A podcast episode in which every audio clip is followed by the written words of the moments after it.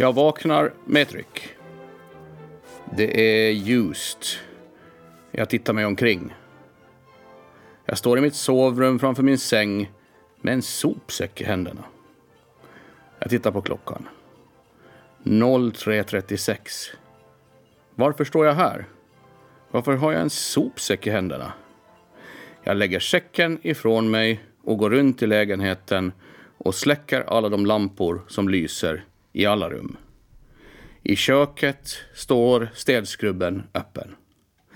Tydligen har jag öppnat en hel ny rulle med sopsäckar och därefter kastat rullen på golvet. Jag lägger tillbaka sopsäcksrullen i städskrubben, släcker de sista lamporna, drar ett djupt andetag och går och lägger mig igen. På morgonen när klockan väcker mig tänder jag sänglampan och hoppas innerligt att jag drömt. Men nej, sopsäcken ligger kvar bredvid sängen.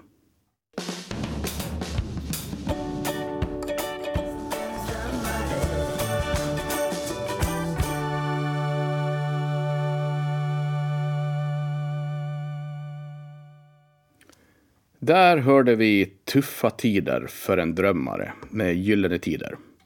Du lyssnar på Ålands Radio med mig, Johan Ehn, som idag är din värd i programmet Vinterpratare 2019. I somras hade jag äran, äran att få hålla ett sommarprat. Då pratade jag om förändring, rädsla och mod. Nu har ni lyssnare och Ålands Radio gett mig möjligheten att under ytterligare 90 minuter få dela med mig av mina erfarenheter och tankar. Jag tänker denna gång ta avstamp i sommarens program och fokus kommer nu att ligga på hur vi lever våra liv.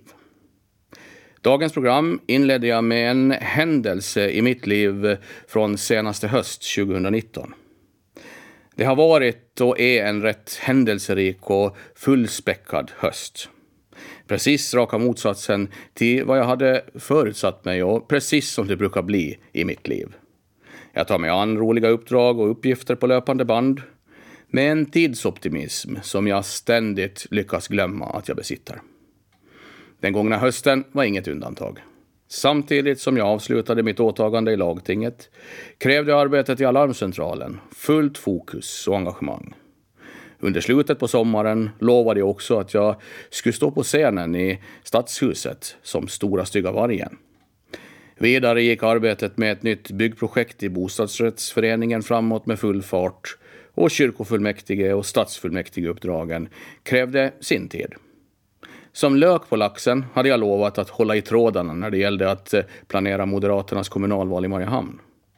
Däremellan ville jag ju umgås, resa, umgås med eh, familj och vänner, hänga på brandkåren, få igång rehabträningen efter den avslitna hälsenan och att hitta kärleken hade ju heller inte varit fel. Nå, i sann Johans anda hade jag fyllt mina dagar långt mer än vad jag hade, faktiskt hade tänkt. Och händelsen en tidig höstmorgon med sopsäcken kan jag nog tacka just det här. Visst, jag älskar att det händer saker i livet och jag känner att jag har roligt och gör nytta. Men det finns helt klart gränser. När jag ser mig runt bland vänner och kollegor ser jag liknande fenomen även i deras liv. Frågan jag då ställer mig är om det jag beskriver verkligen är ett liv att sträva efter.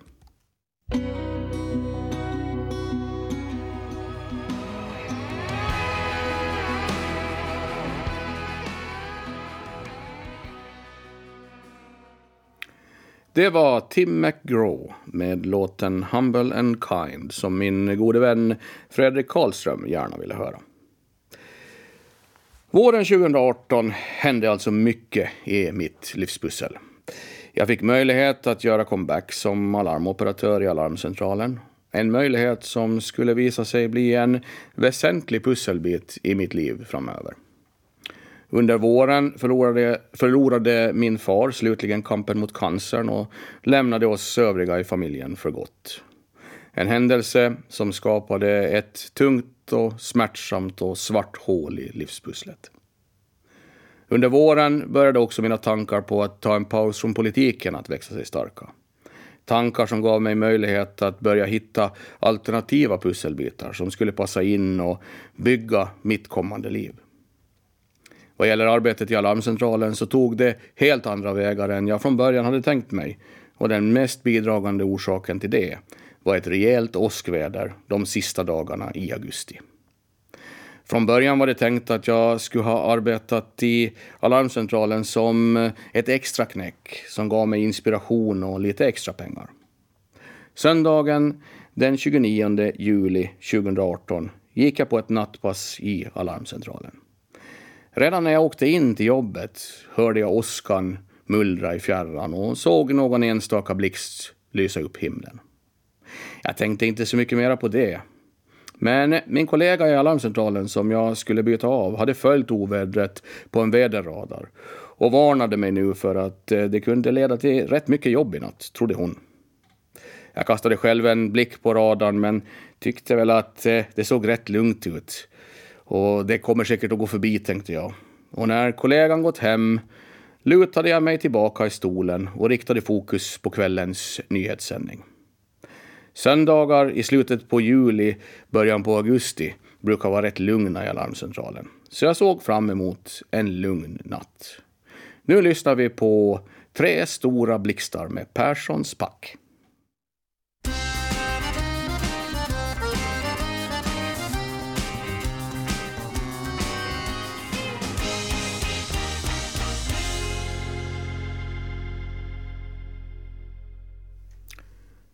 Jag hade bara hunnit hitta en bekväm ställning i stolen innan åskvädret brakade in med full kraft.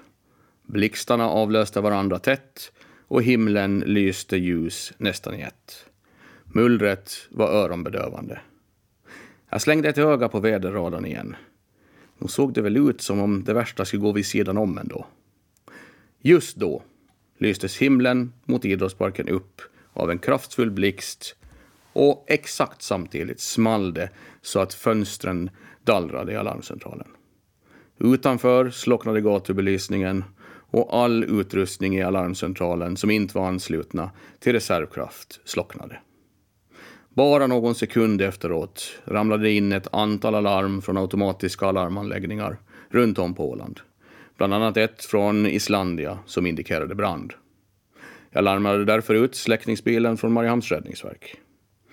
I det skede som eh, blixten hade lyst upp himlen tyckte jag också att det fräste till i några av våra eluttag i alarmcentralen. Men jag intalar mig själv att jag inbillat mig.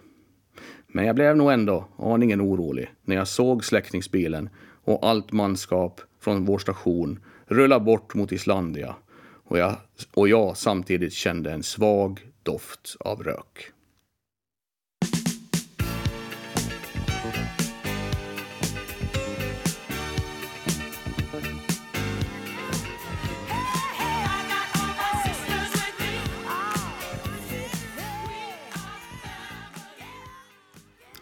Där hörde vi Sister Sledge med We Are Family. Ni lyssnar på Ålands Radio och programmet Vinterprat med mig, Johan En, som idag har äran att vara er värd.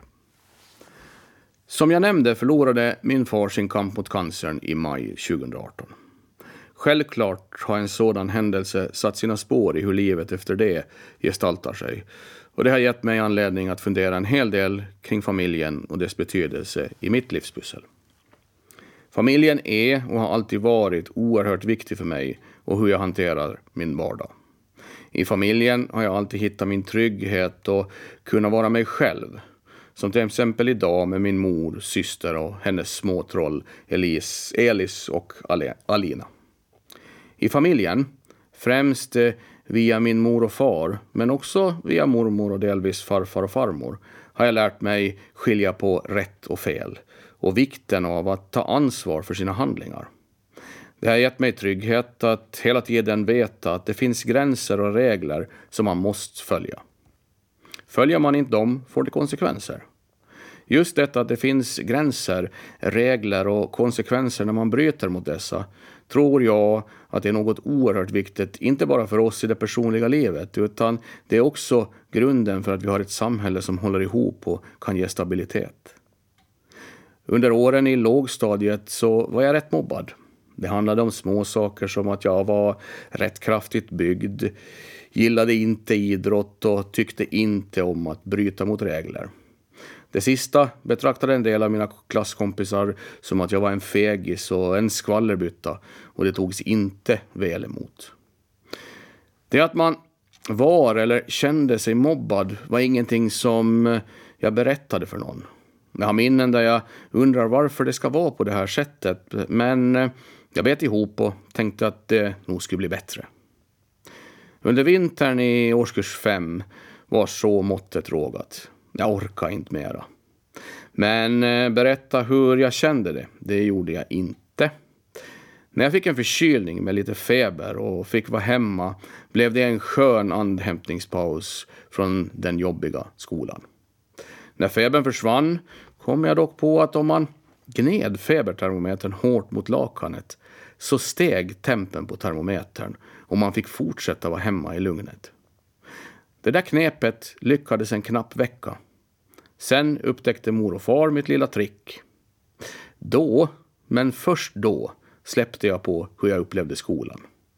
Allt kom ut och mina föräldrar tog det vidare till skolan, som verkligen tog det på allvar.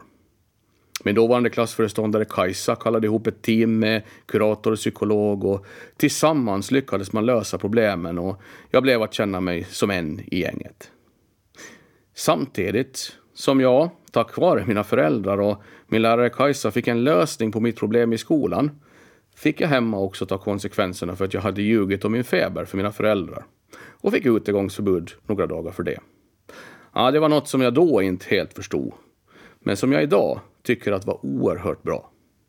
Alla handlingar leder till konsekvenser, många gånger såväl positiva som negativa.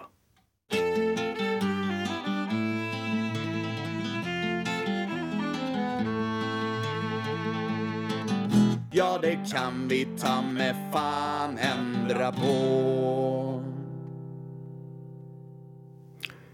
Det var Lars Winnerbäck med balladen om konsekvenser. Politiken. Engagemanget att eh, påverka den värld och det samhälle jag lever i är och har varit viktigt för mig sedan högstadietiden. Politiken kan nog sägas eh, ha varit den pusselbit som i mångt och mycket fått ta över och vara en mycket betydande del av hela mitt livspussel. Jag har många gånger funderat på varför. Det finns ingen i min nära släkt som jag kunnat ta modell av.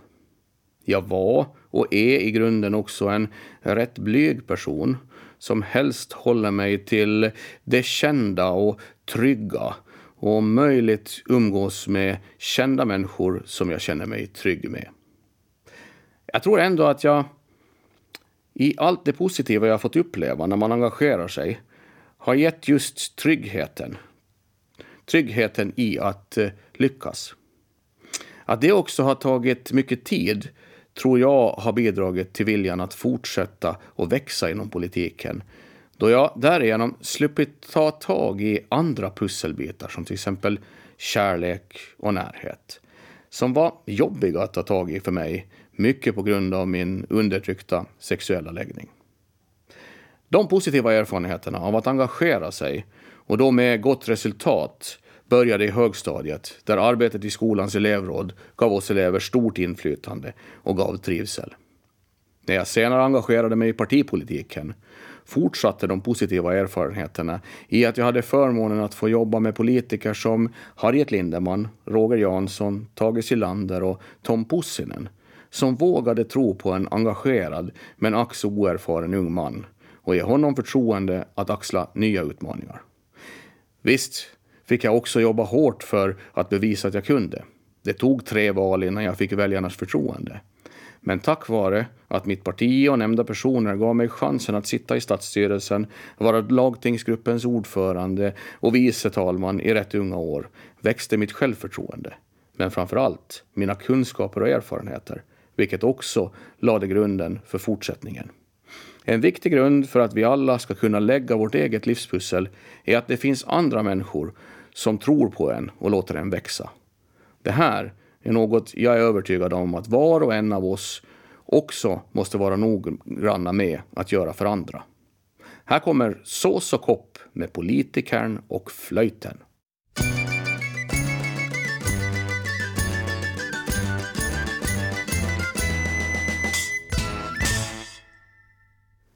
Du lyssnar på Ålands Radio och programmet Vinterprat 2019 med mig, Johan En, som dagens värd. Tillbaka till natten då juli blev augusti 2018 och det häftiga åskvädret som gav mig möjlighet att få utveckla pusselbiten av larmcentralen vidare.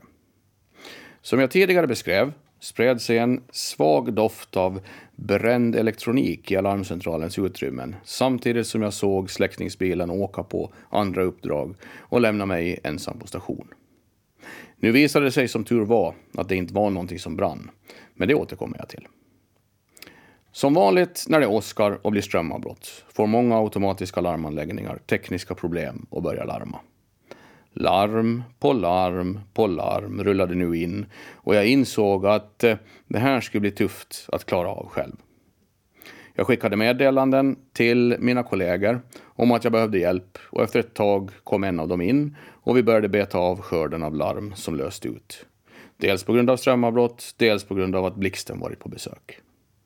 Under tiden vi jobbar på, på upptäcker vi att eh, systemet för mottagning av trygghetstelefoner har slagits ut av åskan. Det var troligen det som luktade bränt tidigare.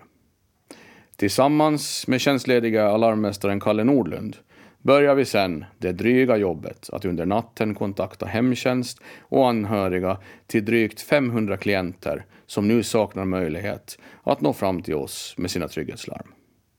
Som tur är lugnar allt annat ner sig när åskan drar bort och vi får koncentrera oss på att få ut informationen och säkra upp tryggheten för klienterna. Under påföljande dagar uppdagas flera bekymmer i alarmcentralens tekniska utrustning som troligen orsakats av blixtens besök. Arbetet med de här bekymren blir drygt och Kalle ber mig, eftersom han är på semester själv, att koordinera dem. På den vägen är vi. Jag fortsatte arbetet med konsekvenserna av blixtens framfart under augusti och från september utses jag till vikarierande alarmmästare på deltid, i vilket också ingår arbetet med att implementera ett helt nytt alarmsystem.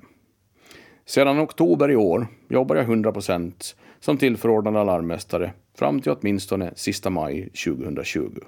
Efter det får vi se.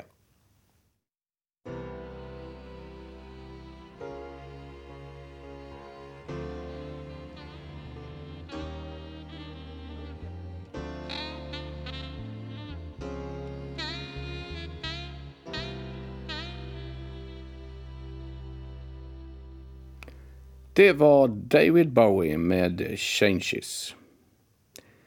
Jag har vid ett par tillfällen nämnt eh, självförtroende och känslan att få göra något som blir lyckat. Som ni alla säkert redan vet har jag varit aktiv frivillig brandkårist i Strandnäs FBK rätt länge. I snart 34 år faktiskt. Kåren har gett mig otroligt mycket under dessa år. En av de viktigaste sakerna som kåren bidragit med i mitt liv är just ett ökat självförtroende. De tidiga åren i grundskolan var som jag nämnt, var jag som jag nämnt mobbad. I Strandnäs FBK fick jag vara med på mina egna villkor. Jag hittade där just min plats i gemenskapen.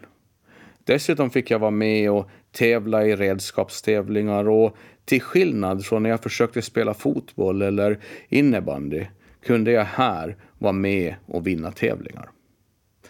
När jag sen blev äldre hade mitt intresse för att vara med och påverka och utveckla också upptäckts av eh, dåvarande kårens ledning. Och jag blev både sekreterare och ungdomsledare i kåren.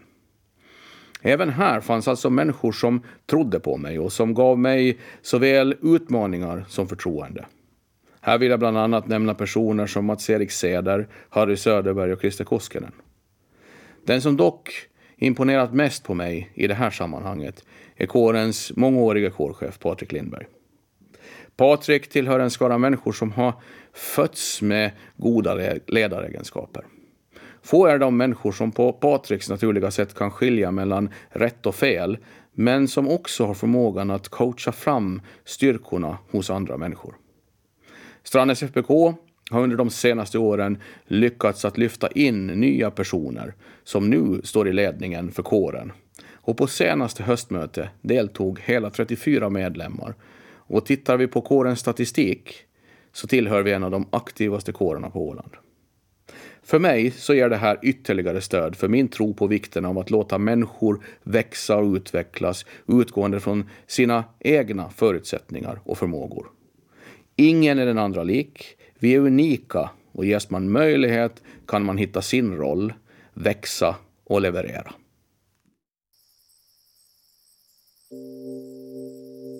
Ut i vår hage det växer blåbär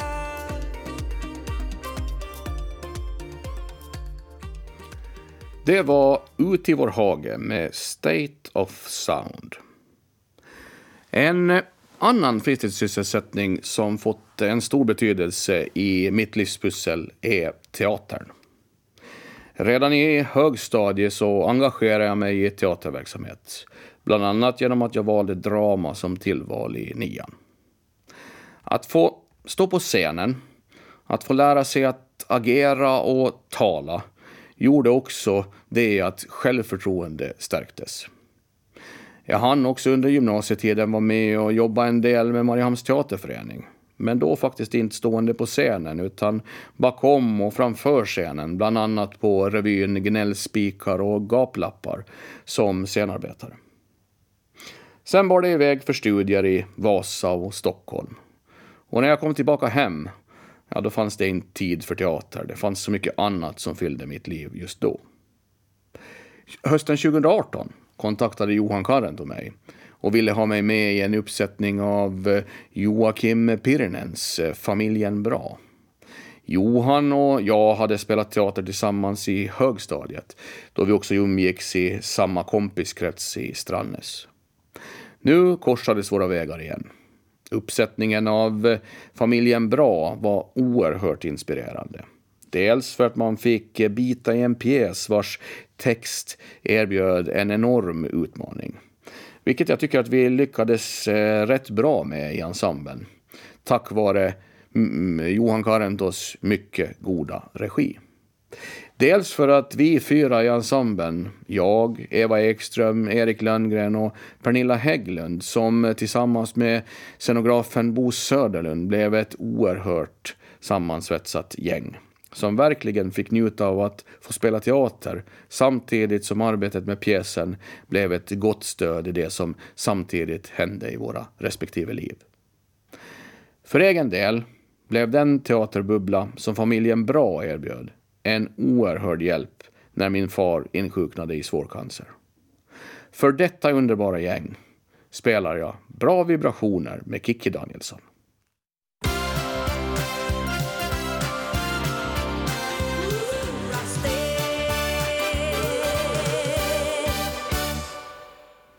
Ja, teatern har sedan fortsatt att eh, ge mig riktigt bra vibrationer och bli en eh, viktig del av mitt livspussel. Så 2018 stod jag på scenen igen, då i komedin Var god dröj som regisserades av Arn-Henrik Blomqvist. Och i år var det dags för Stora stygga vargen som regisserades av eh, Alfons Röblom. Det fantastiska med teatern är att här möts människor som aldrig annars skulle träffas. Det ger erfarenheter och vänskapsband som gör att man växer som människa. I teaterföreningen i Mariehamn känner jag mig verkligen hemma.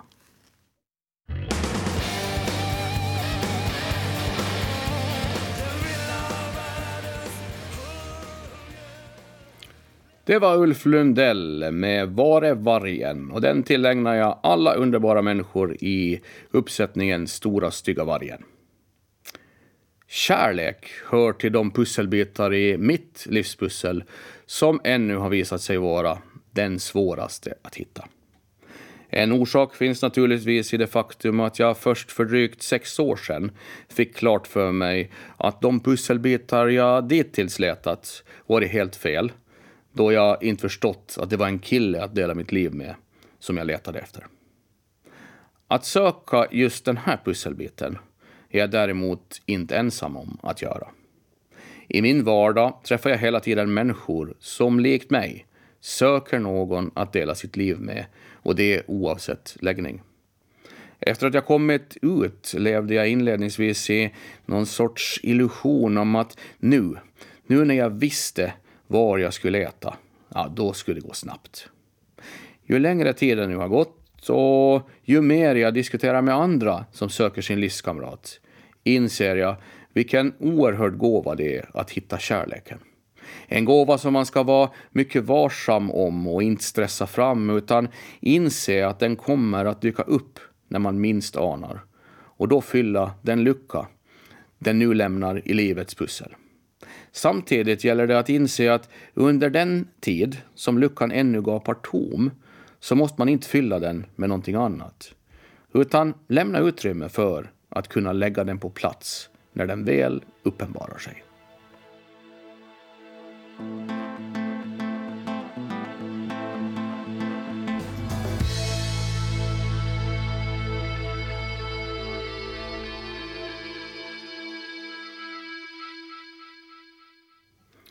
Det var Kent med Kärleken väntar. Som jag tidigare nämnde gjorde slumpen att jag har fått möjlighet att efter en nästan 20 år lång paus återvända till den arbetsplats, Alarmcentralen, som var min första riktiga arbetsplats efter att jag lämnade mina studier.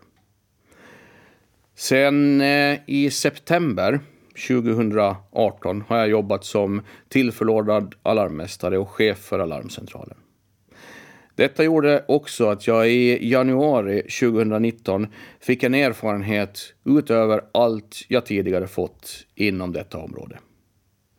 På nyårsdagen 2019 var jag ledig. I väderleksrapporterna varnades för en vinterstorm. Vinterstormar är vi ju på Åland rätt vana vid, så jag la för egen del ingen större uppmärksamhet vid det.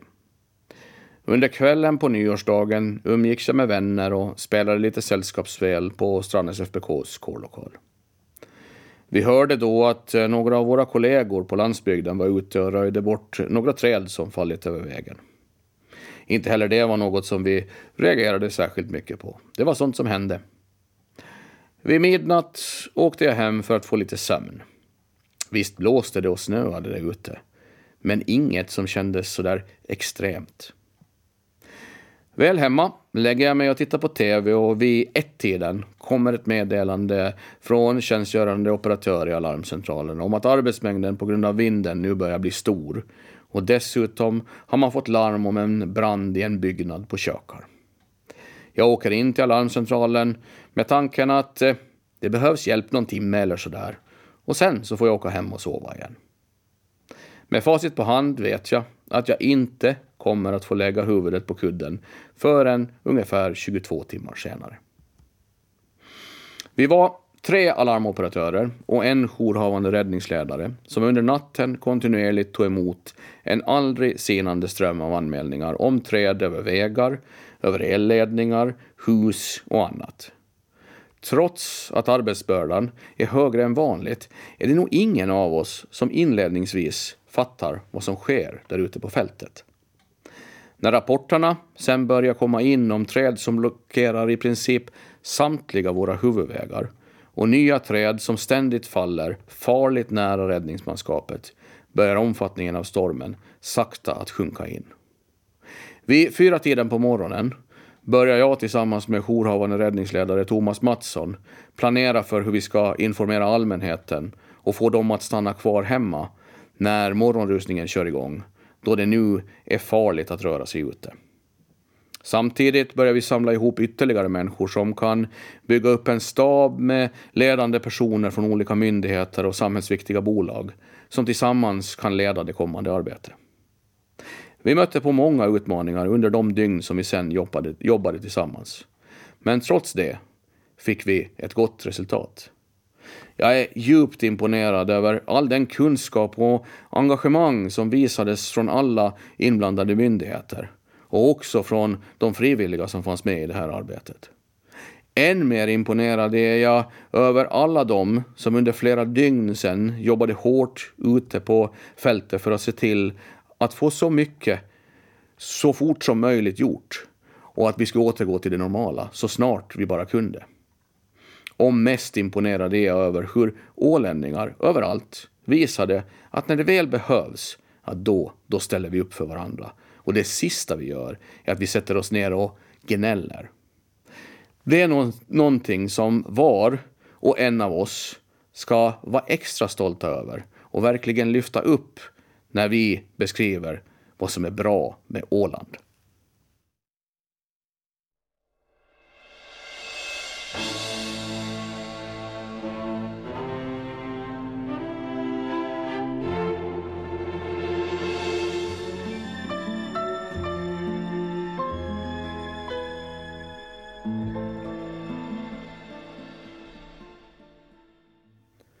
Det var Stormskärsmaja av Lasse Mårtensson.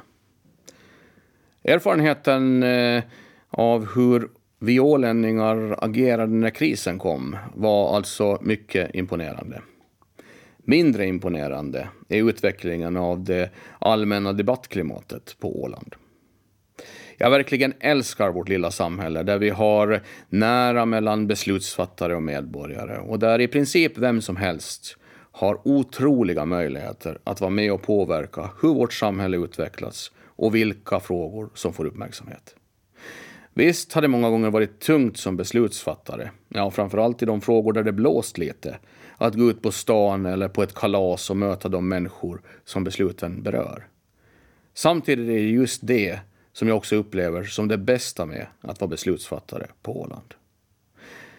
Runt omkring i världen har dock debatten influerats av människor som inte vill väl utan som har som mål att eh, så misstanke och misstro hos människor för att den vägen själva tillförskansa sig makt. Den här utvecklingen med fake news, hot och hat har också spilt över på den åländska debatten. Alla påverkas. De som diskuterar vid kaffeborden, diskussionen i sociala medier och tyvärr också debatten mellan politiker. Det här är något som vi måste förändra.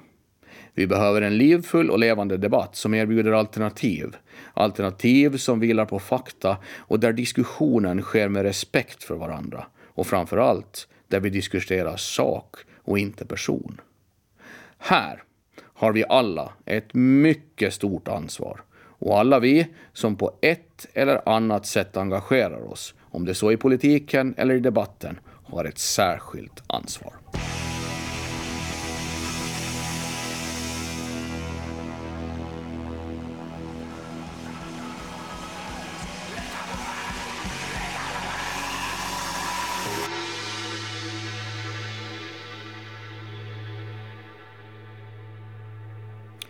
Det var Ebba Grön med 800 grader. Om pusselbiten kärlek har varit svår i mitt livspussel så får jag också konstatera att en annan pusselbit som erbjudit mig stora utmaningar är min fysik, kost och motion. Så länge jag kan minnas har jag kämpat med min vikt. Jag har alltid vägt mer än jag borde och vad som enligt vetenskapen är bra för mig. På samma sätt har jag aldrig känt ett sug eller en dragning till att träna eller idrotta. Mitt intresse har istället riktat in sig till livets goda. Att jag sen dessutom verkar gå upp i vikt bara jag tittar på något ohälsosamt gör ju inte saken bättre. Att det är viktigt att röra på sig, det vet jag. Att det är viktigt att äta rätt, ja, det vet jag. Att jag blir piggare och orkar mer om jag tränar, ja, det vet jag. Att jag borde ändra livsstil för att lägga grund för att vara frisk och leva länge. Ja, det vet jag också. Trots att jag vet allt det här lyckas jag inte få till stånd nödvändig förändring. Många är de vänner, eller vad säger ni, Blomsterlund, Mysan, Annette och Patrik, som försökt uppmuntra, jaga på, skälla och hota och ändå, ändå händer ingenting. Ärligt talat så kan jag inte förklara varför. Normalt sett brukar jag acceptera fakta ut och agera utgående från det. Men i det här fallet gör jag definitivt inte det. För egen del tycker jag mig också prövat allt. Jag har gjort det i det tysta för att inte känna pressen. Jag har gjort det, i det, gjort det öppet och offentligt för att känna pressen. Men nej, det lyckas inte. Men jag ger inte upp. Jag kommer att ta nya tag. Hur vet jag inte just nu. Men ett är säkert. Jag vill få till stånd förändring. Jag vet vad jag behöver göra och jag har stöd för att göra det från en hel hög med härliga vänner som vill mitt bästa. Så nog måste väl ändå gå att få till stånd en förändring och i slutändan ett bra resultat. Ja, den som lever får se.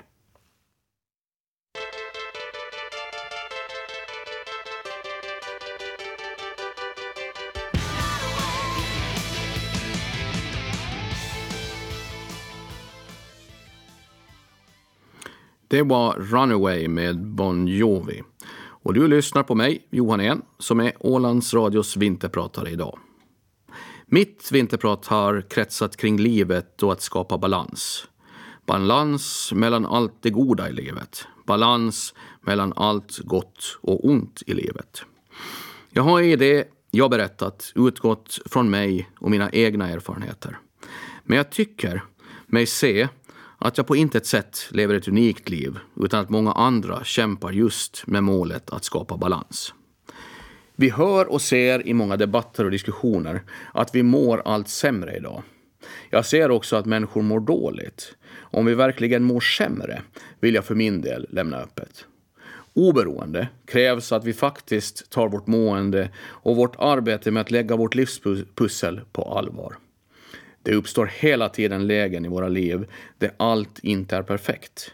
Perfekt i den meningen att vi inte når exakt dit vi vill. Men för den skull kan vi inte bara lägga oss ner och ge upp eller tycka synd om oss själva. Nej, genom att vi finns till för varandra, ger varandra stöd och låter varandra växa så läggs många pusselbitar på plats. Om vi dessutom ger oss själva tid och vågar tro att det går att förändra har vi nått ännu längre. Att reta, reta upp oss på sånt vi inte kan göra någonting åt är meningslöst. Att ta oss an sånt som vi kan göra något åt ger positivt resultat. Att dessutom komma ihåg att leva här och nu, inte i det som varit, inte i det som ska komma, utan just här och nu kan i de allra flesta fall ge oss möjligheten att känna att livet är vårt. Gå ut och lev ditt liv, för det är det enda liv som du har. Ta hand om varandra.